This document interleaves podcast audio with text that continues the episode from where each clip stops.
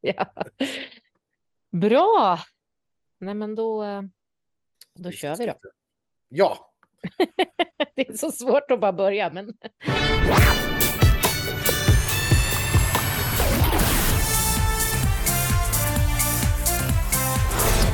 Vi säger varmt välkomna till Schlagerfesten, din ultimata podcast för Melodifestivalen och Eurovision. Och vi är så glada att få vara tillbaka ännu ett år.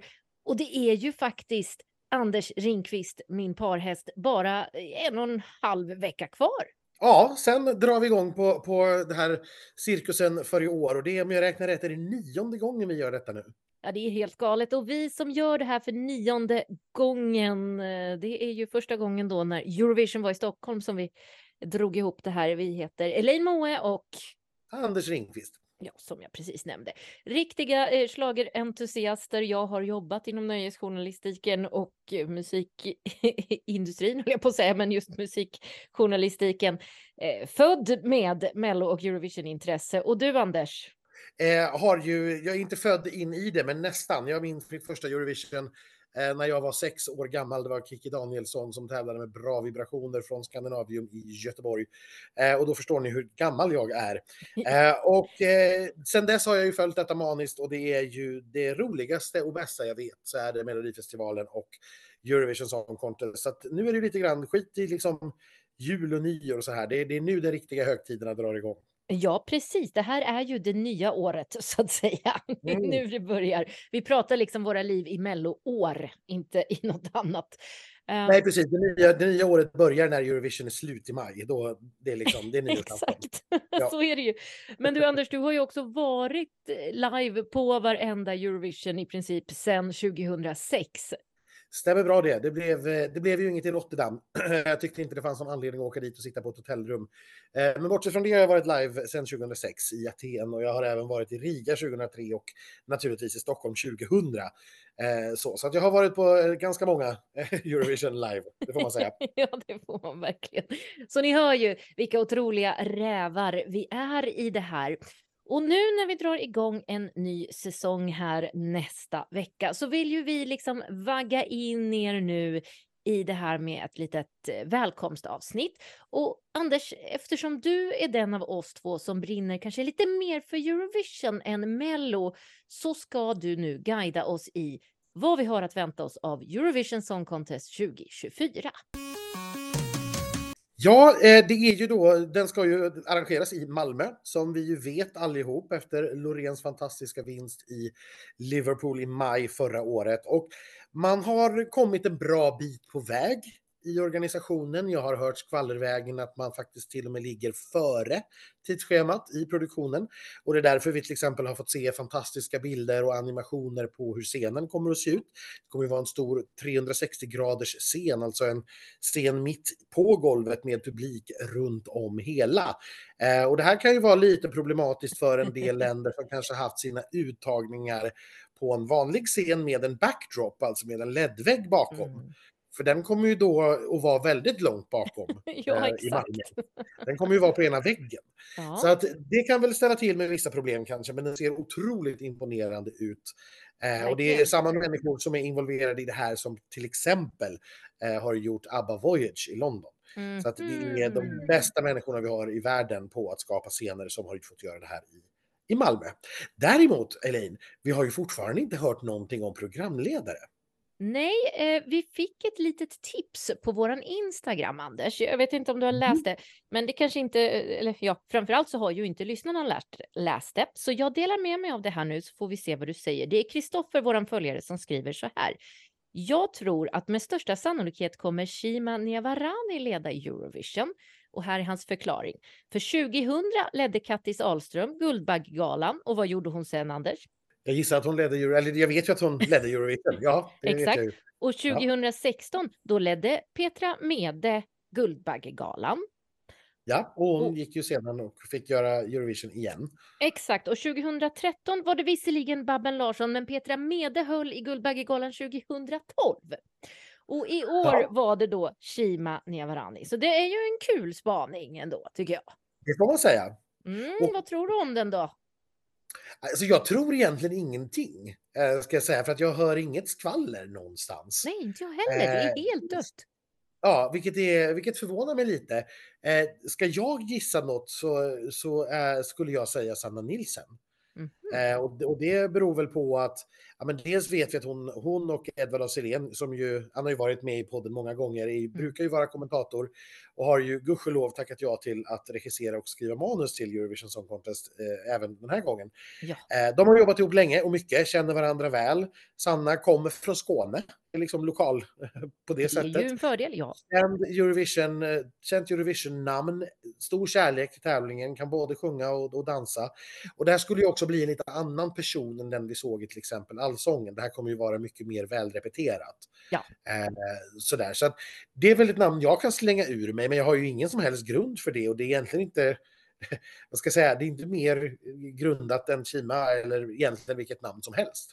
Nej, jag var ju lite inne på Farah Abadi där. Eh, och så såg jag ju, hon ska ju ha den här allocation drawen. Just Eh, precis. Och då tänker man ju, ja, det kanske har en poäng. Eh, Hon är ju också från Malmö, eller inte från Malmö, nu ska vi inte svära i kyrkan, hon är från Landskrona, men från Skåne. Eh, och eh, ja, jag vet inte, hon gjorde ju succé som programledare för Mello, men visst, internationellt och i tävlingen Eurovision så vet ju kanske ingen riktigt vem Farah är. Men det visste väl ingen riktigt med Petra 2013 heller, tänker jag. Nej, precis. Så att det är ju inte ett argument, utan då är det snarare så här att Farah är ju en, en, en SVT-person, det är ju en SVT-profil. Mm. Eh, och som jag vet inte har jobbat tidigare med, med Edvard af. Eh, och han brukar Nej. ju, i synnerhet när han ska göra sådana här saker, brukar det ju vara personer som han känner. Som han känner att liksom, man har en gemensam ton och man, man vet Mm. att det han skriver inte låter onaturligt när det kommer ut ur en annan person. Mm. Eh, men som sagt, vi har bara gissningar här. Jag har inte hört något skvaller alls, men jag gissar att det här, ja, kanske till och med att det kommer på eh, allocation draw. Vi får väl se, för den är ju eh, i nästa vecka. Mm. Eh, och vad allocation draw är då ska vi väl förklara. Det är alltså, för det första är det det rent formella överlämnandet eh, från Liverpool till Malmö som nästa världsstad. Det är en liten liksom, symbol som man lämnar över från Liverpool till Malmö som sätts in i en gigantisk nyckelknippa där alla länder har lämnat sina symboler när de lämnar ifrån sig tävlingen. Så att det kommer en delegation från Liverpool till Malmö eh, och eh, kommer att lämna över den där så blir det lite formellt och högtidligt. Eh, och sen kommer man ju också då att lotta vilka länder som ska in i respektive semifinal. Just. Och man kommer också att lotta vilka utav the big five och Sverige då som är direktkvalificerade till finalen, vilken semifinal de ska rösta i, om det är den första eller andra semifinalen. Just.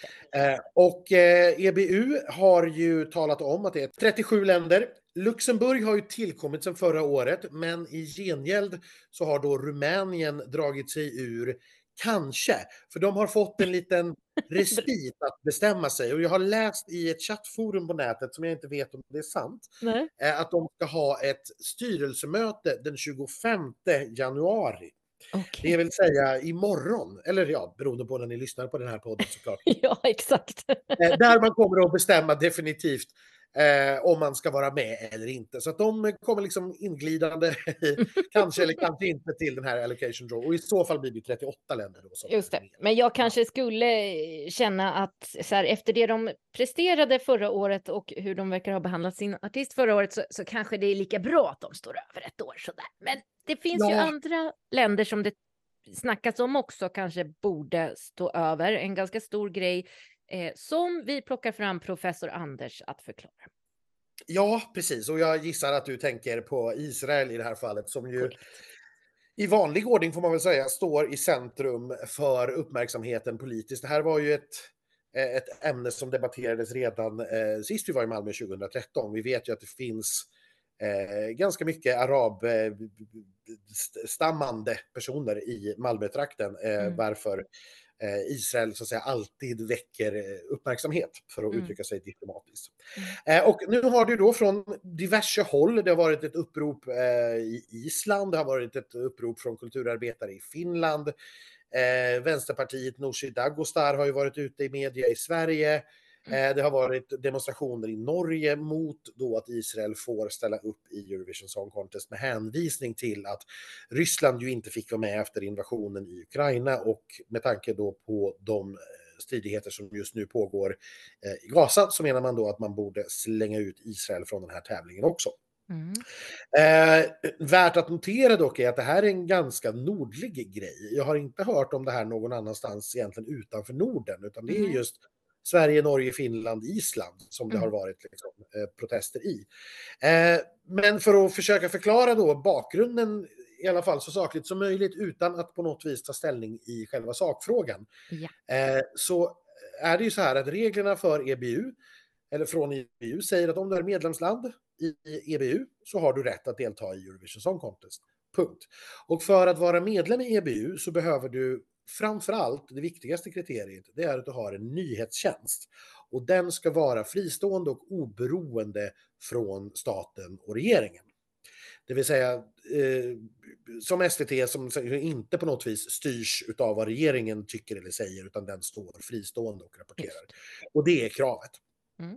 Och då menar man på att det här uppfyller Israel. Israel är medlemmar i EBU, de har en fristående nyhetstjänst som inte står under regeringskontroll. Alltså uppfyller de alla krav för att få vara med i Eurovision. Och jämförelsen med Ryssland, eh, den haltar ju lite i att där var det ju väldigt tydligt att Ryssland då, ett medlemsland, mm.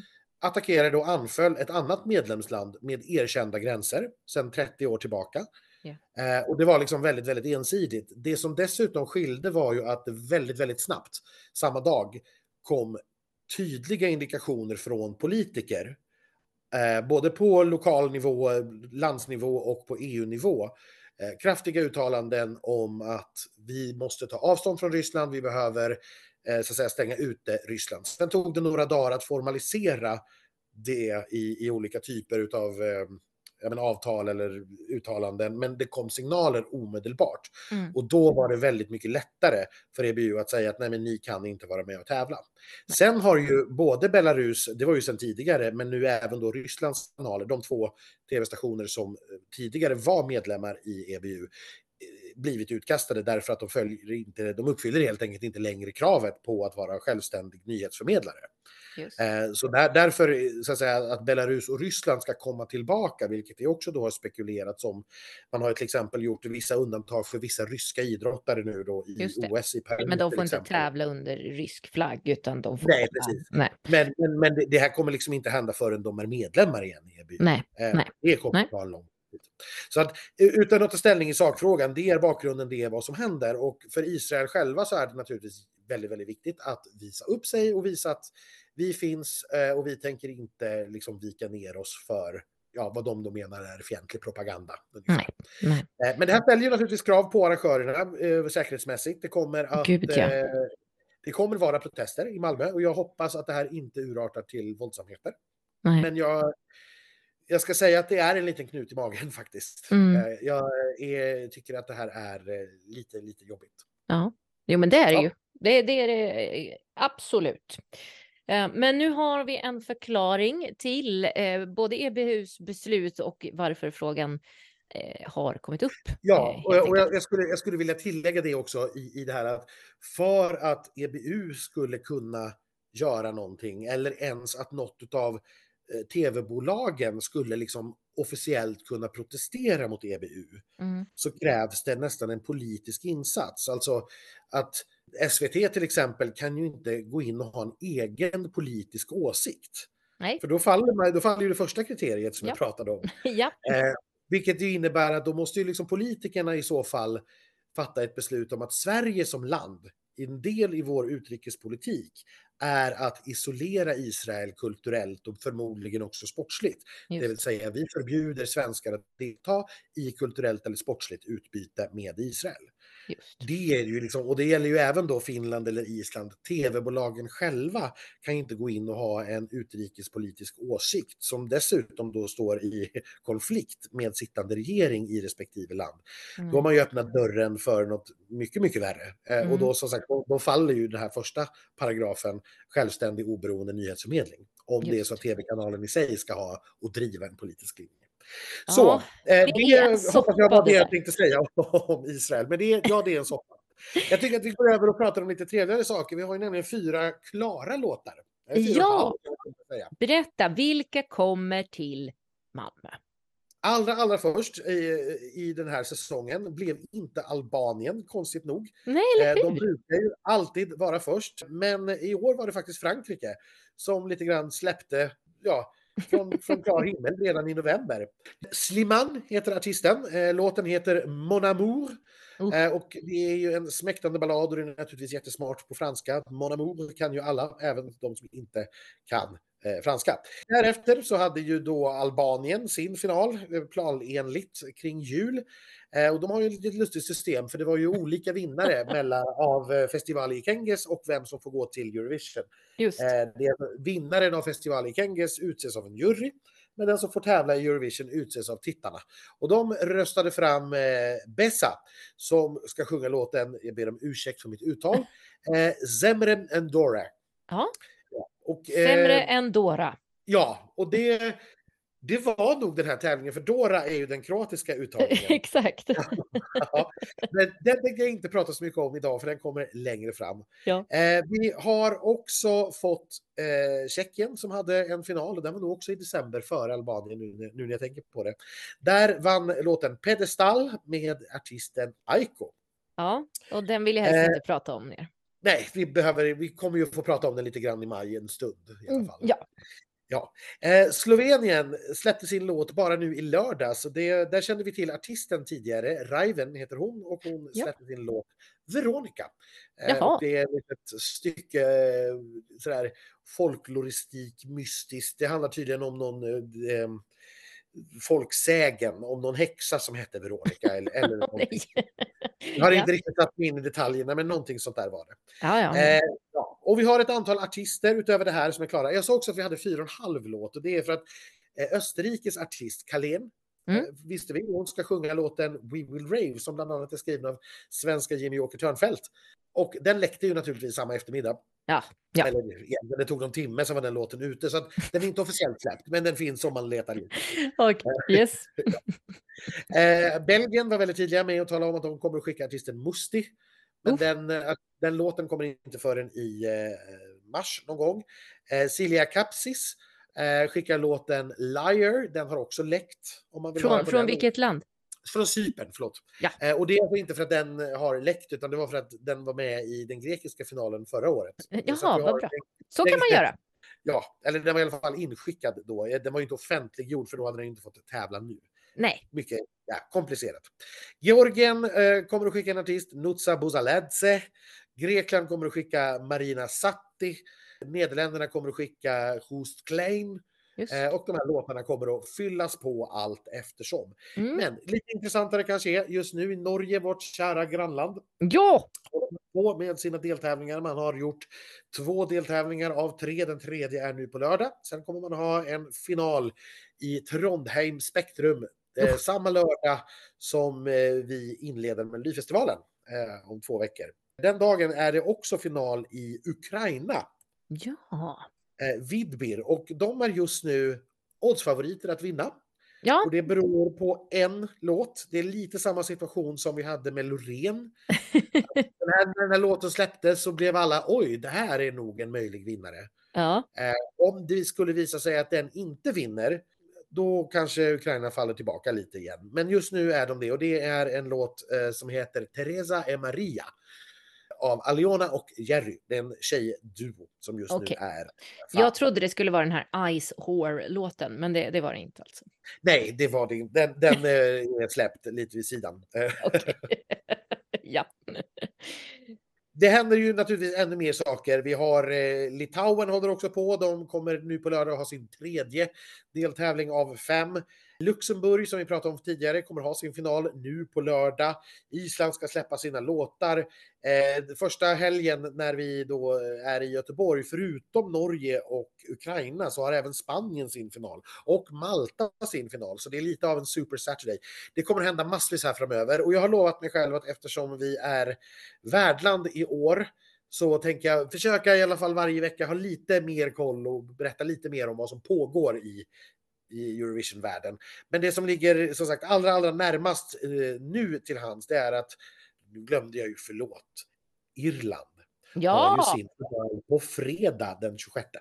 Ja, det var, det Ja, var så det, dumt. de, kommer före Luxemburg. Så att, nej, Ja. men det, är vad som kommer i den närmsta framtiden här och vad vi liksom redan vet framöver. Mm, ja, men det är ju nu det börjar komma. Jag är lite nyfiken på Finland. När kommer Ja. Finland? Finlands låtar ligger ute. Eh, De släpptes under eh, förra veckan, en om dagen. Eh, Så alla de sju bidragen finns ute att lyssna på, både på Youtube och på Spotify eller på Yles hemsida, hur man nu vill. De kommer ha sin final, de har ju bara en final med sju bidrag, den 10 februari. Och lite konstigt är det väl, för att det var ju liksom länge det man lite grann såg fram emot Mm. mest, hypade mest efter Kärje. Och vi Mm. kan väl konstatera att nej, de lyckades nog kanske inte riktigt leva upp till det. Det är fortfarande, tycker jag, en högklassig final. Det finns flera låtar som är bra. Men jag har väldigt svårt att tro, utan att ha sett det i alla fall, att någon av de sju skulle gå och vinna Eurovision eller vara en utmanare till det. Och när jag tittade på oddslistan senast så verkar ju spelarna hålla med mig. Den ligger just nu på, Finland ligger nere på trettonde plats. Ja, okej. Eh, och då, ja, saker kan ju ändras när man ser det live, men man, man ser också att låtarna har inte riktigt fått den skjutsen på strömningstjänsterna som de fick förra året. Det är visserligen en låt som är uppe på andra plats och en av låtarna lyckades till och med knipa första platsen i Estland på Oj. Spotify. Mm. Det är en, en duo där den ena är estländare, så det förklarar väl det då. Eh, Men det är inte riktigt uppe på, på den nivån från förra året. Det är flera låtar där som utan bekymmer kommer att ta sig till final i Malmö. Men jag tror inte att de är med och utmanar om segern. Det, det tror jag kanske inte. Nej, för vilka har vi just nu då i topp tre på oddsen, även om det är väldigt tidigt? Ukraina sa du eh, i, Ukraina är etta eh, och det är, det är ganska tajt som sagt. Det är ingen som har sprungit iväg eh, i odds ännu. Nej. Eh, Storbritannien är tvåa och de har ju utsett Olly Alexander. Ja, men Eh, herregud ja. Oh my känd goodness. eh, skådespelare, kanske lite mindre känd artist får man väl ändå säga. Fast years and lite- years känner väl folk till ändå?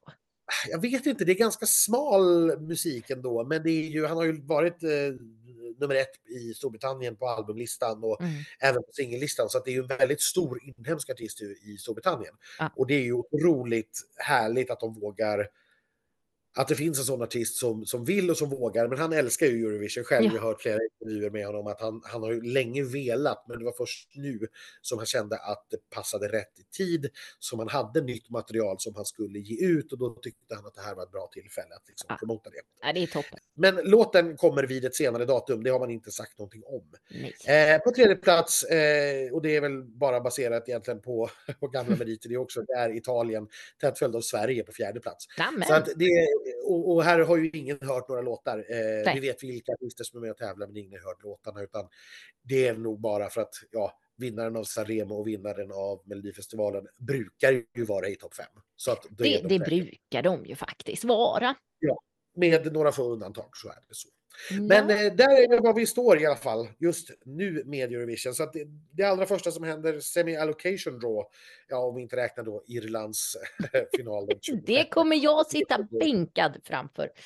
Men eh, semi-final allocation draw kommer ju direkt sändas på SVT Play till exempel. Och, eh, så det tycker jag man ska titta på. Det kommer bli lite roligt tror jag. Det tror jag. Men nu då, Anders? Nu när vi avklarat det där som komma skall så tänker jag att det är läge att blicka tillbaka på det fantastiska år som vi hade förra året, eh, både här i Sverige och i Liverpool. En liten årskrönika av vad vi har hittat på under förra året. Och jag har frågat våra lyssnare på Instagram och jag frågar dig nu, Anders, samma sak. Vilket är ditt favoritmoment eller ditt favoritminne från podden 2024? 23, 2023. Jag gick Ja. händelserna i förväg. Ja. Ja, det, hände, det hände ju mycket. Vi hade ju jätteroligt med väldigt många saker och det är klart att eh, vi har, man har många minnen eh, från, från både turnén och, eh, eh, och från Liverpool som är här, härliga. Men ska jag prata just om själva podden så ja, men det måste nog bli, jag, jag minns när vi gjorde avsnittet inför deltävling 4 i Malmö, alltså den där Loreen skulle tävla. Mm. Och vi hade precis intervjuat Loreen och fått sitta med det här liksom energiknippet. Eh, och vi hade dessutom ganska nyss fått höra låten för första gången på pressuppspelningen. Ja.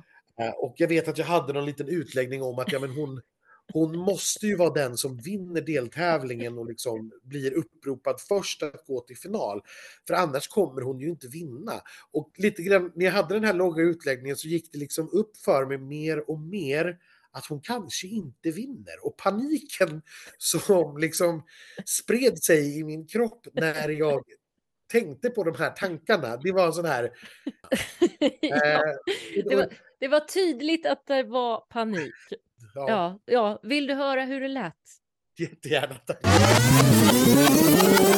Men då antar jag att eh, du är ganska säker på att det är den här låten som kommer att gå först till final. Ja, alltså det måste vara det, annars, så, annars får vi sluta med det här. Det, det, det kan inte... Nej, men jag, jag är allvarlig alltså. Ja, Om det här ja. inte går till, direkt till final, utan folk har hittat något annat i den här delen, då vet inte jag vad folk röstar på längre. Nej, nej, men jag menar det kanske går är som tvåa. Ja, fast det är inte låt, det är inte artist, det är inte framträdande, det är något annat man röstar på. Då. Ja. Och då, då vill inte jag vara med längre. Nej. jag är helt allvarlig Då det. blir det ingen podd nästa år hörni. Nej, men jag är helt allvarlig i det. Så den måste göra det. Eh, sen därefter Mm. Men får jag... den gå som tvåa eller du menar om Nej, den inte nej, går nej, först? Nej, den måste gå först. Ja. Det finns inga alternativ här. Nej. Jag kan inte se något annat. Nej. Och det, så vi sa det med Theos också. eh, Och Marcus Martinez för all del. Men det här tycker jag är ännu större klasskillnad. Mm. Det här tycker jag är liksom det är divisioner mellan Mm. Loreen och allt annat. Det var ändå härligt. Men jag tycker hela vårt möte med Loreen var väldigt härligt. Vi, hon tjuvåt ju pyttelite semla fast hon var under Ja. den här hårdträningen. Kommer jag ihåg också. Det var, det Ja, var och- fint. Jag har bild på det hon lämnade kvar. Men hon Ja. åt en kvart sen. Det, det, tycker jag hon var värd, det vill jag säga. Ja. Ja, det gjorde ingen större skillnad visade ju sig. Nej. Vad är ditt favoritögonblick då, om du ska tänka tillbaka? Ja, men eh, jag tror nog ändå att eh, ett av mina favoritögonblick, det var en otroligt förvirrad stund också då under eh, vårt onsdagsavsnitt eh, när Marcus och Martinus fick sina snabbfrågor. Ni vet de här härliga. Om ditt bidrag var, vad skulle det vara då? Om den här låten var en eh, frukt eller en grönsak? Oj! Oj, det är en eh, fråga vi aldrig fått før, da. Ja, du Det ser. var Nej, der Takk. ser du. ja. Tack. Mm, frukt eller- En grønnsak, føler jeg. Frukt er jo litt sånn Det kan være litt søtt og sånn. Jo, men kanskje det Samtidig litt surt. søtt. Men eh, grønnsak føles som mer voksent. Ok, greit. Ja, Grønnsak. grønnsak. Ja, men vilken? Vilken, Vilken grönsak? grönsak? Hvilken grønnsak? Enten så er det gulrot, eller så er det en brokkoli. Brokkoli.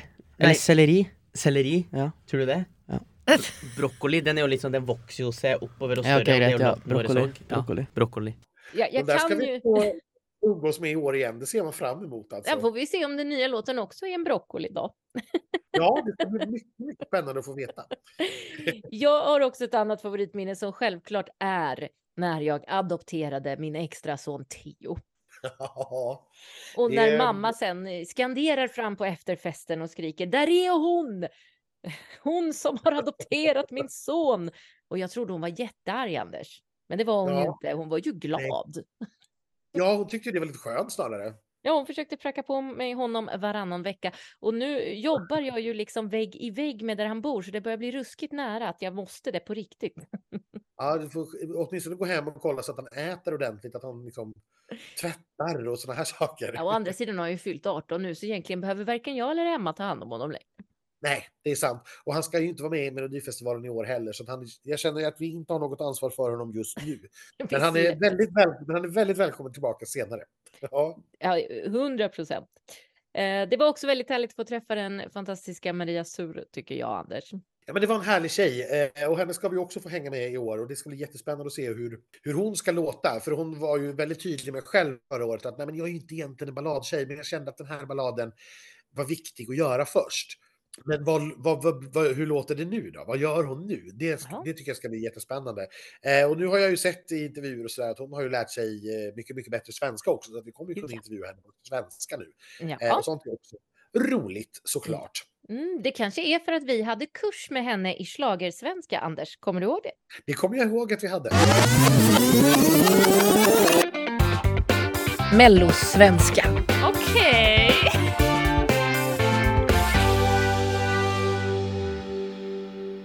Tolv poäng går till... Yes, good to know. Tonart... sh- Oj. Tonart Schöning. Tonart sh- something... something... Very close. Two notch höjning, Schöning. which is a key change. Uh, Naked Shock. No. Naked Shock? Shock? Someone has very little clothes on them. Ah. Are you gonna do this? Are you gonna have a nude shock? we'll see. Ooh. Nu kör vi! Of course I know this. Let's go! What would that be in Ukraine? Поїхали. Поїхали. Поїхали, так. Okay, thank you. Fjäderbå. Half of the audience will have it. Yeah. Okej. For, Ah, for, for no apparent reason, but it's a Swedish thing. Direkt till final. Of course, straight to the final. Very important. Snabb rep repris. Helt, helt röst. helt it's a heart. Uh, röst it's a vote. Oh, uh, skriv bolagsmogul. no, Yes. I, I understand it sounds so bad. it's Robert Skowronski. He, he's, uh, he's, he's got that nickname. So when you see him in Linköping, you'll go, hey, Skivbolagsmogul. ah, ski- skivbolagsmogul. Jag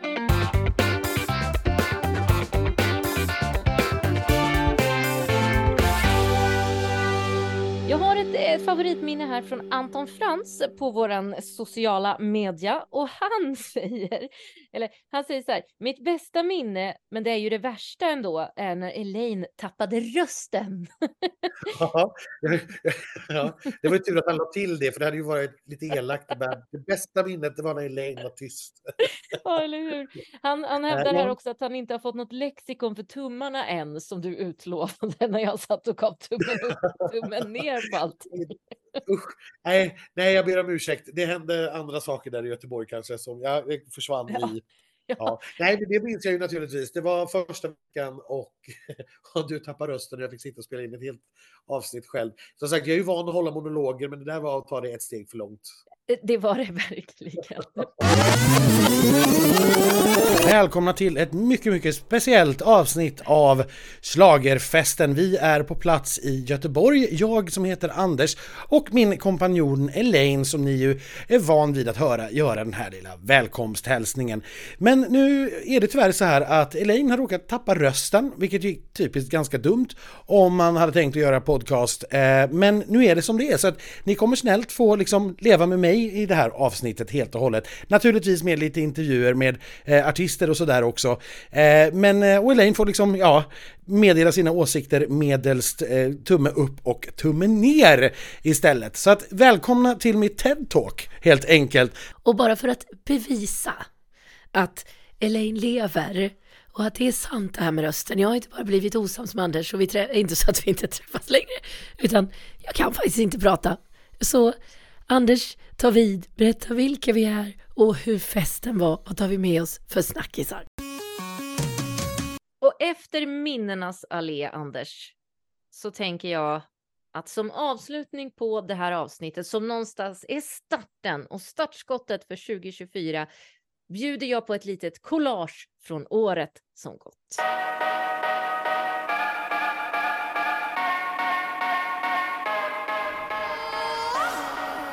Schlagersäsongen inleddes som vanligt med att Schlagerfesten diskuterade och analyserade namn som möjligen skulle kunna vara aktuella för tävlingen.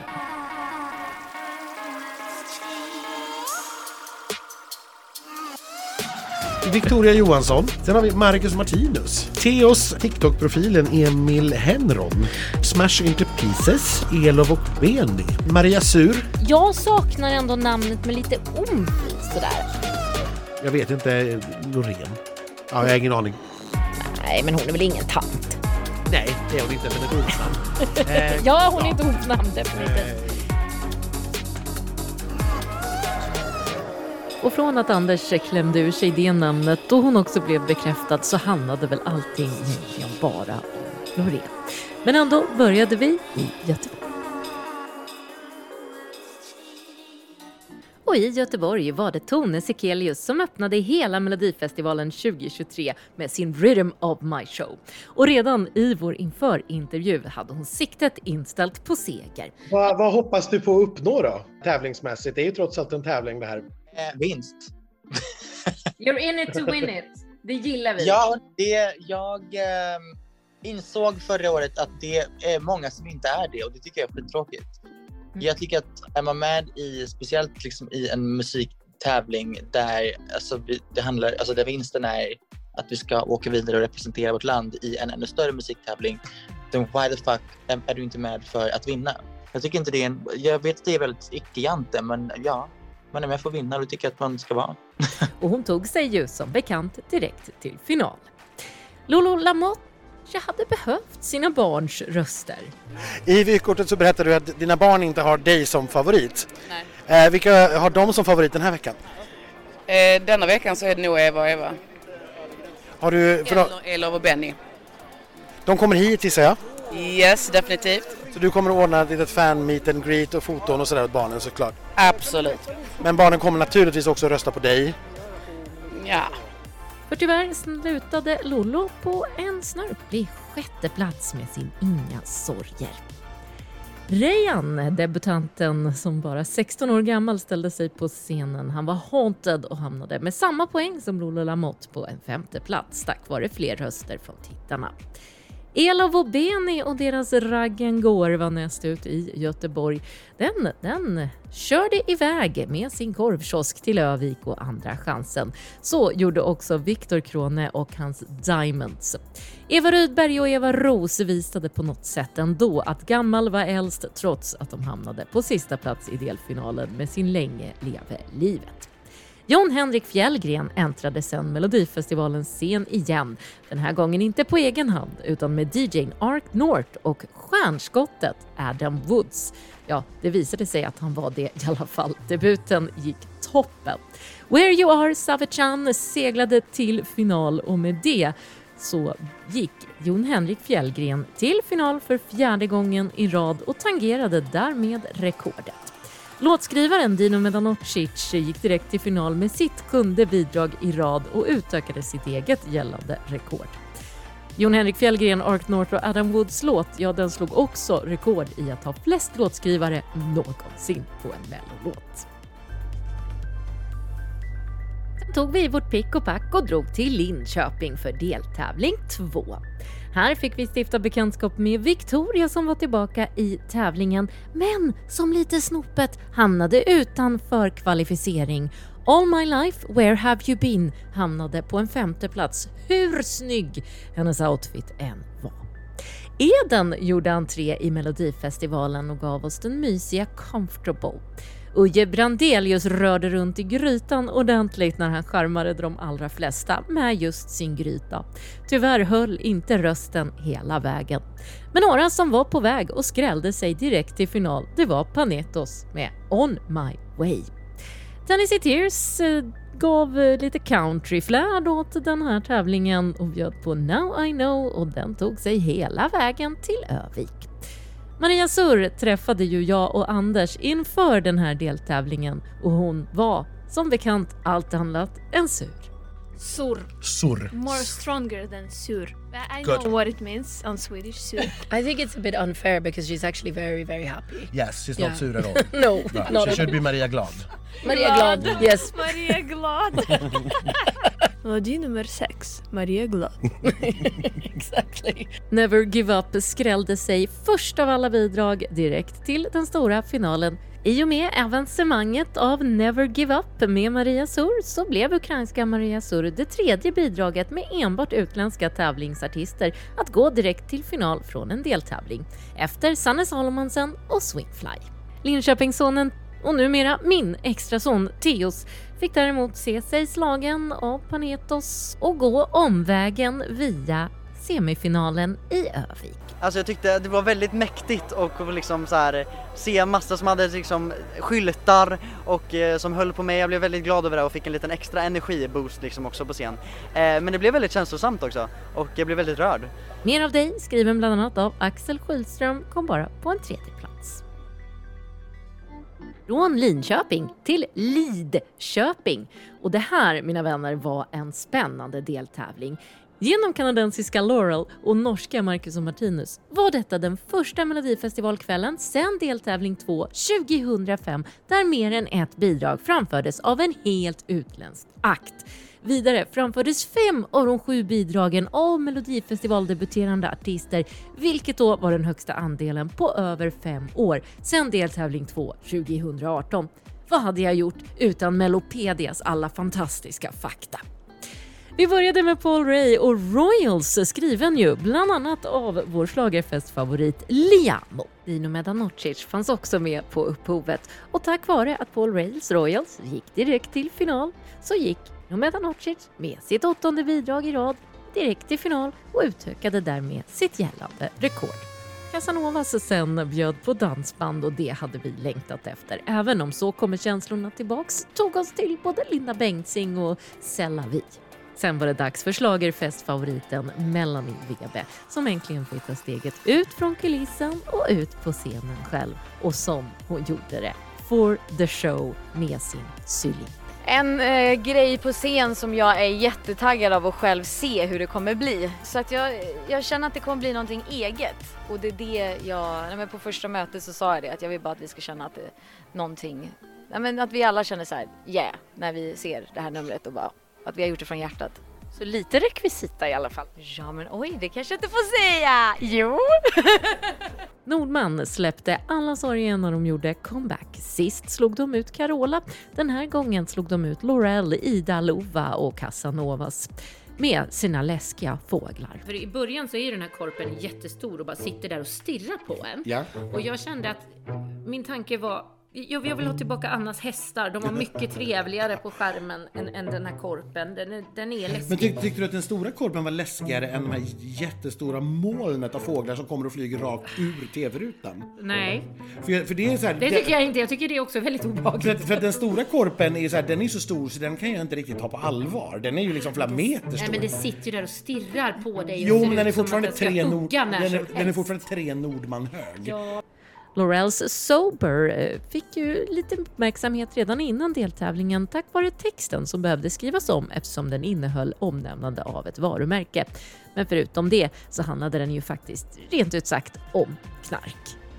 Ida Lova lät hela stan se på när hon debuterade i Melodifestivalen. Från och med nu är hon en artist och en känd tjej helt på egen hand utan mamma Kristin Meltzer som dessutom fick sig hålla sig hemma och borta från efterfesten. Det här, alltså det här är det roligaste jag har gjort. Det är bara så himla himla kul. Jag kan inte... Nej men jag kan inte... Alltså jag försöker... Jag, va? Jag vet inte.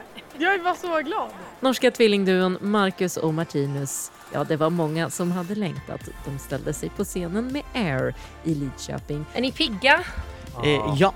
Ja, härligt. Pigga, Ni är inte morgontrötta? Nej, nej, nej. Nej. Är ni aldrig det? Jo. Jo. Men inte den här veckan. Inte Nej. denne veckan. Nå er det mellovecka, Ja. så da må, burde man være pigg eh, hver eneste morgen. Direkt till final sjöng de sig med sin Air och i och med att Air med Marcus och Martinus gick vidare så blev det det fjärde bidraget med enbart utländska tävlingsartister att gå direkt till final från en deltävling. Efter Maria Sur veckan innan, Sanne Salomonsen 2005 och Swingfly 2011. Marcus och Martinus blev dessutom det första sådana bidraget med artister som aldrig har varit bosatta i Sverige. Återigen, tack Melopedia! Och så landade vi då äntligen i Malmö för deltävling 4. Den 25 februari 2023 var det dags. Kiana med Where Did You Go?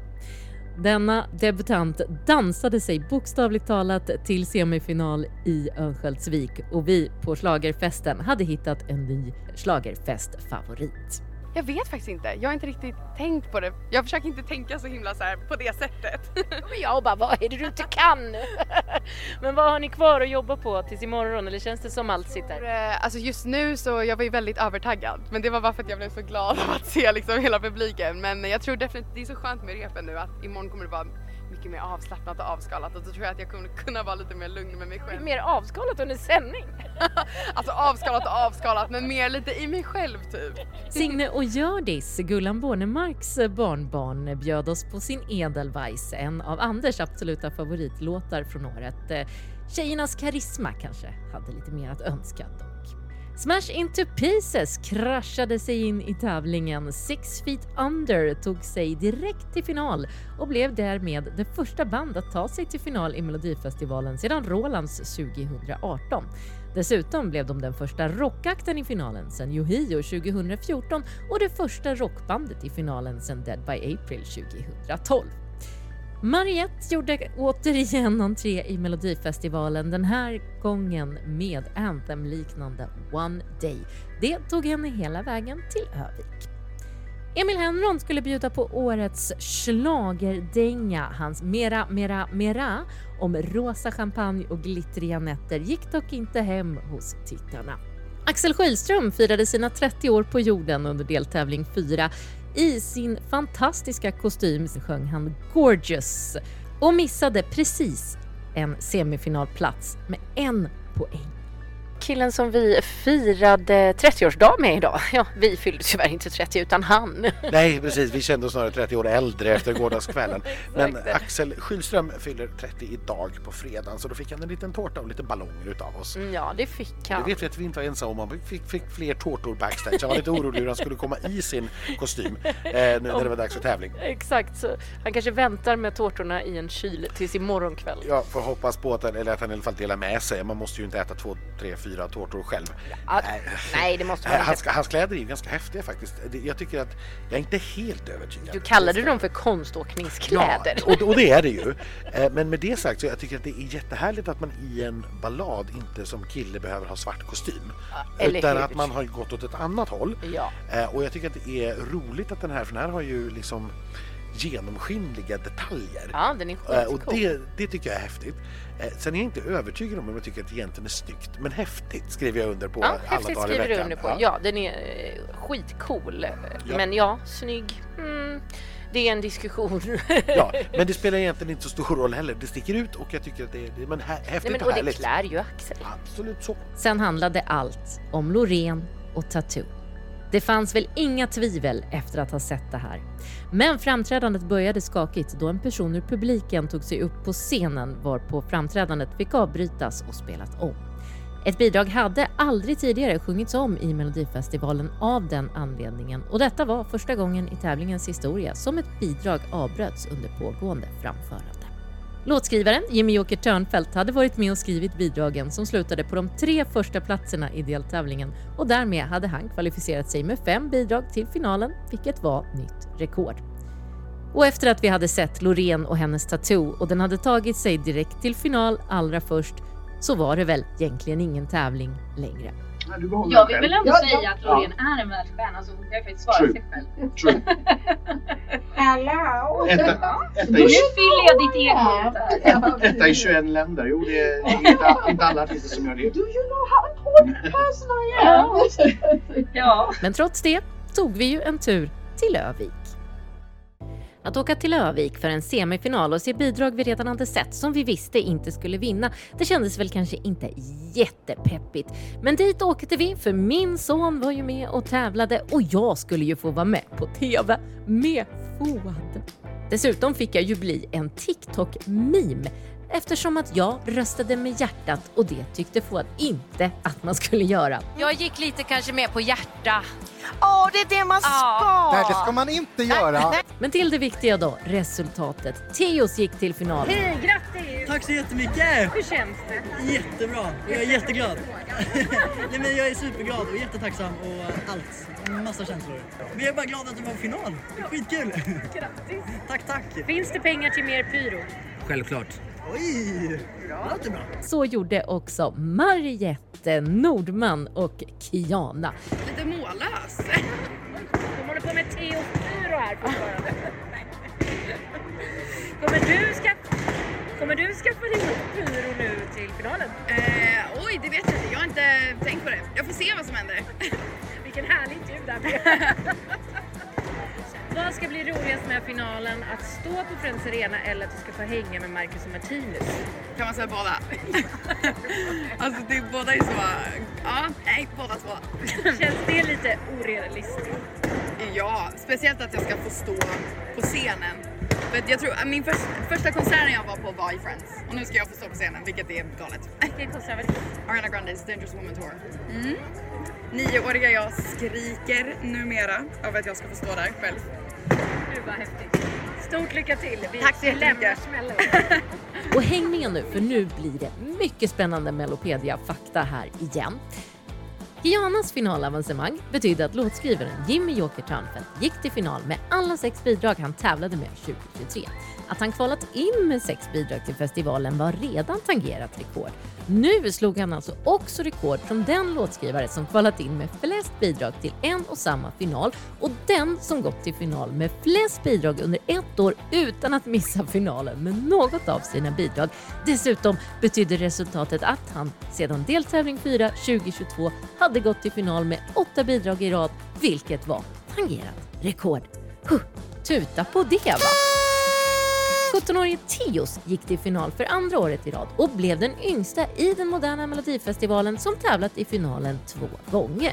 Anna Bok var 1987 den enda som tävlat i finalen en andra gång vid yngre ålder. Mariette, hon gick till final för femte gången vilket innebar att hon nådde upp till en delad andra plats på listan över flest finalplatser i den moderna melodifestivalen. Och Nordmans finalplats betydde att finalen för första gången på 15 år innehöll mer än en duo eftersom också Marcus och Martinus hade kvalat in till finalen.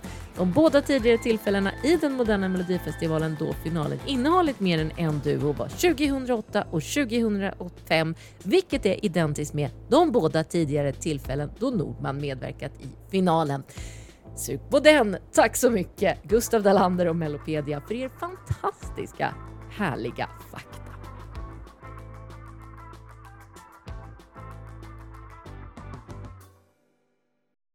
Och vi är Ja, vi, trötta. Vi är lite trötta nu när vi ger oss in i den allra sista eh, veckan av det här maratonet. Men nu är det dags. Det är den 63 upplagan av Melodifestivalen som ska avgöras. Och så var det dags för final i Friends Arena utanför Stockholm den 11 mars 2023. Det borde inte ha varit spännande för det borde inte ha varit en tävling längre. Men så mycket stod på spel om inte Loreen och hennes tattoo skulle vinna. Först ut klev Jon Henrik Fjällgren, Ark North och Adam Woods. Efter sig hade de Tone Sekelius, Mariette, Marcus och Martinus, Panetos, Maria Sur, Smash Into Pieces, Kiana, Nordman, Loreen, Theos och Paul Ray allra sist. Jag vill inte tänka tanken att någon annan ska vinna. Eh, och vi har ändå fått alla svar. Möjligen kan få. Ja precis, av det som är offentligt. Vi, såg ju inte, vi har ju inte sett röstningssiffrorna Nej. från Malmö. Men hon vann där, hon vann publikundersökningen där. Hon har ju gått som tåget på Spotify. Det har aldrig hänt. Vi hittar den direkt i deltävlingen och den liksom sprids helt organiskt. Utan någon som helst PR, utan någon som helst spridning. Så bara hittar folk den här och tar den upp på listorna. Jag säger som Ola, unstoppable. Natalie keeps coming back, trodde jag du skulle säga. Vad har med saken att göra?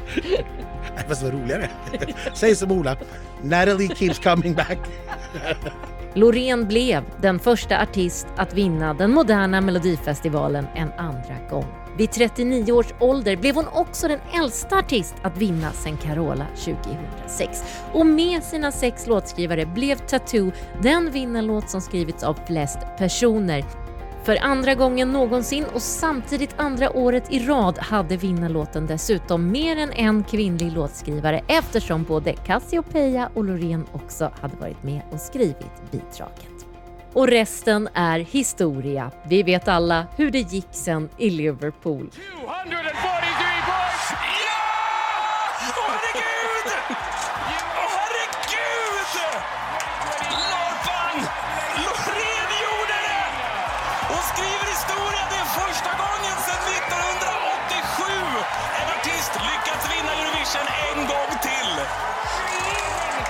Otroligt. Åh, herregud! 583 poäng är totalen.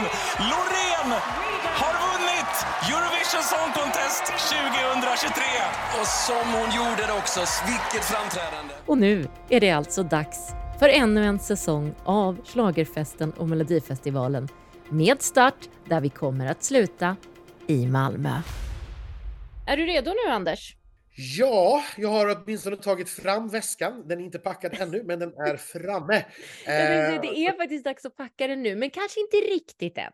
vi- får ju se hur det här utvecklar sig lite grann under veckorna, men vi tänker ju att vi kommer att göra precis som vi har gjort tidigare år.